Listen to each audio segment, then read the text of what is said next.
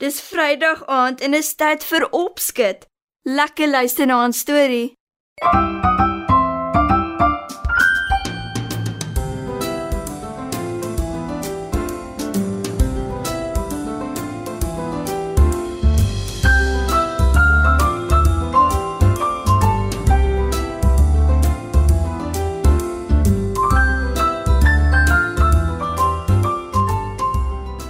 Goeienaand maats.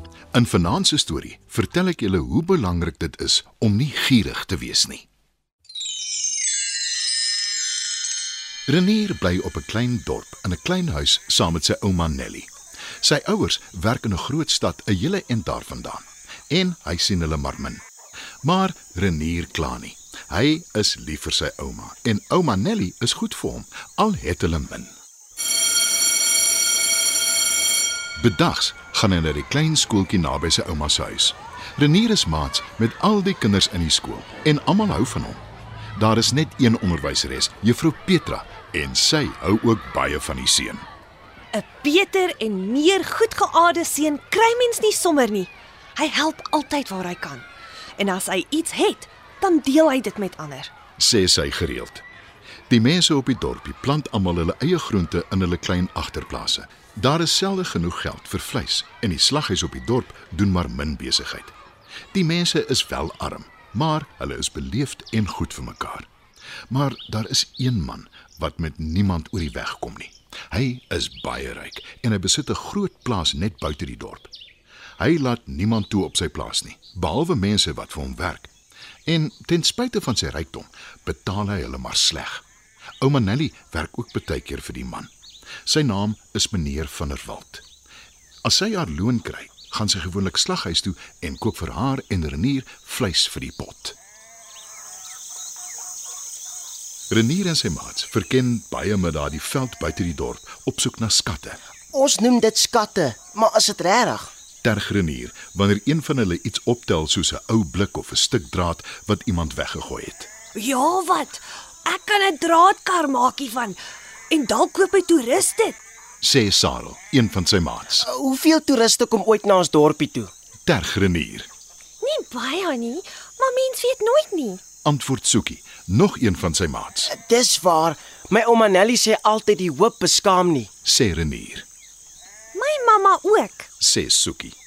Skielik steek Renier vas. Op die grond, 'n en voor hom blink daar iets. Hy loop versigtig nader en sien dis 'n veelkleurige verfkwas. Renier dink 'n oomblik na. Toe tel hy die kwas op. Met die optel swaai dit onwillekeurig en skielik verskyn daar 'n rivier. Wat het nou gebeur? Vra Soekie uit die veld geslaan. Renier is net so verbaas en sê: Ek weet nie. Die inwoners van die dorp hoor die rivier en omdat water skaars is in hulle geweste, kom hulle nader gedraf. Hulle vra Renier wat gebeur het. Hy kyk verwonderd na die verfkwas en sê: Ek dink ek het die rivier geverf met die kwas. Dan moet dit 'n towerkwas wees. sê een van die inwoners. Die ander stem saam. Ek hoop jy weet hoe groot 'n verantwoordelikheid dit is om die kwas te hê. Waarsku die man, Ek sal baie versigtig daarmee wees. Beloof Renier. Toe hy by die huis kom, kry hy sy ouma in die kombuis besig om kos te maak. Raai wat, seun? Ons eet vanaand vleis. Ek het genoeg geld gemaak by synige ou meneer van der Walt om by die slaghuis aan te gaan en die slagter het spesiaal vir my 'n heerlike sagte stuk vleis uitgesoek. sê ouma Nelly. Dis gaaf, ouma. Antwoord Renier. Ouma Nelly kyk verbaas na hom en vra: Skort daar iets, kind? Jy klink nie soos jouself nie. Renier vertel ouma Nelly van die towerkwas en sy vra: Wat gaan jy daarmee doen? Ek wil ons dorpie se mense help, ouma. Hulle is so arm. Ek wil vir hulle dinge verf wat hulle nodig het. Antwoord Renier. Ouma glimlag en sê: Dis presies wat ek gedink het jy sal sê. En dit is ook presies wat Renier doen. Hy gebruik die kwas om net dinge te verf wat mense nodig het. Met ander woorde, hy help mense daarmee. Maar toe kom ryk meneer van 'n Walt daarvan te hore. Hy laat Renier kom, maar slink soos wat hy is, noem hy nie die towerkwas nie. Al wat hy vra is: Sal jy asseblief vandag my beeste oppas? Ek sal jou goed betaal. Renier is nie eintlik lus daarvoor nie, maar hy stem tog in. Maar die middag laat, in plaas daarvan dat die ryk man hom betaal, beskuldig hy hom daarvan dat hy een van sy beeste gesteel het. Hy sluit hom toe in sy kelder en vat sy towerkwas by hom. Terwyl hy wegstap, sê hy: Nou gaan ek nog ryker word. Ek gaan die rykste man in die hele wêreld wees. Die ryk man nooi al sy vriende na sy huis toe. Wat ook al julle wil hê. Ek verf dit en die prente word die ware artikel. Spog hy. Toe begin hy verf met die kwas.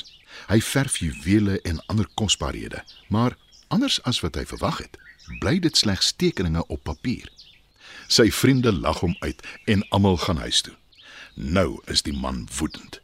Hy laat Renier uit die kelder haal en sê slinks: As jy vir my 'n paar prente verf, vergeet ek van die diefstal en ek laat jou gaan. Die seun huiwer, maar die ryk man stop die towerkwas in Renier se hand en vra hom om 'n eislike groot berg goud te teken. Renier dink 'n oomblik na. Toe glimlag hy. Hy tel sy kwas op en begin verf. Die ryk man vryf sy hande van pure opgewondenheid. 'n Hele berg goud. Net vir my. Ek kan nie wag nie. sê hy. Maar toe sien hy Renier is besig om 'n see te verf. Jou onnosel seun. Ek het gevra vir 'n berg goud, nie 'n see nie. Skree hy woedend.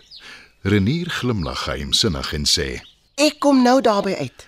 "Toe teken hy 'n berg goud agter die see en sê: Jy sal oor die see moet vaar om by jou berg van goud uit te kom. Die ryk man wil nog proteseer, maar toe sien hy Renier teken 'n skip en 'n hawe. Hy vertrek haastig soontoe met sy vriende en familie. Hulle klim op die skip en hulle vertrek. Renier glimlag weer en teken eers 'n eiland met rotse.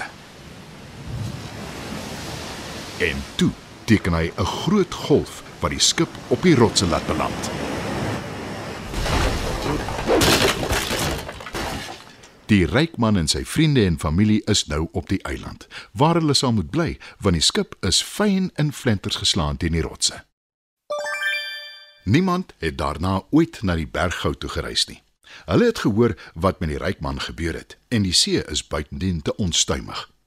Renier het aanhou verf met sy towerkwas, maar hy verf net mooi dinge, soos blomme en bome en diere. Wanneer mense iets nodig het, soos kos, klere of werksimplemente, verf hy dit ook. En die gierige ryk man bring die res van sy lewe op die eiland deur. Dit was nog 'n opskets storie.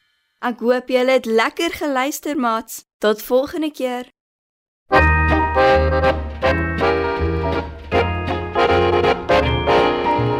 Ai, ai, die witbors kraai hier vandaan na Mosselbaai.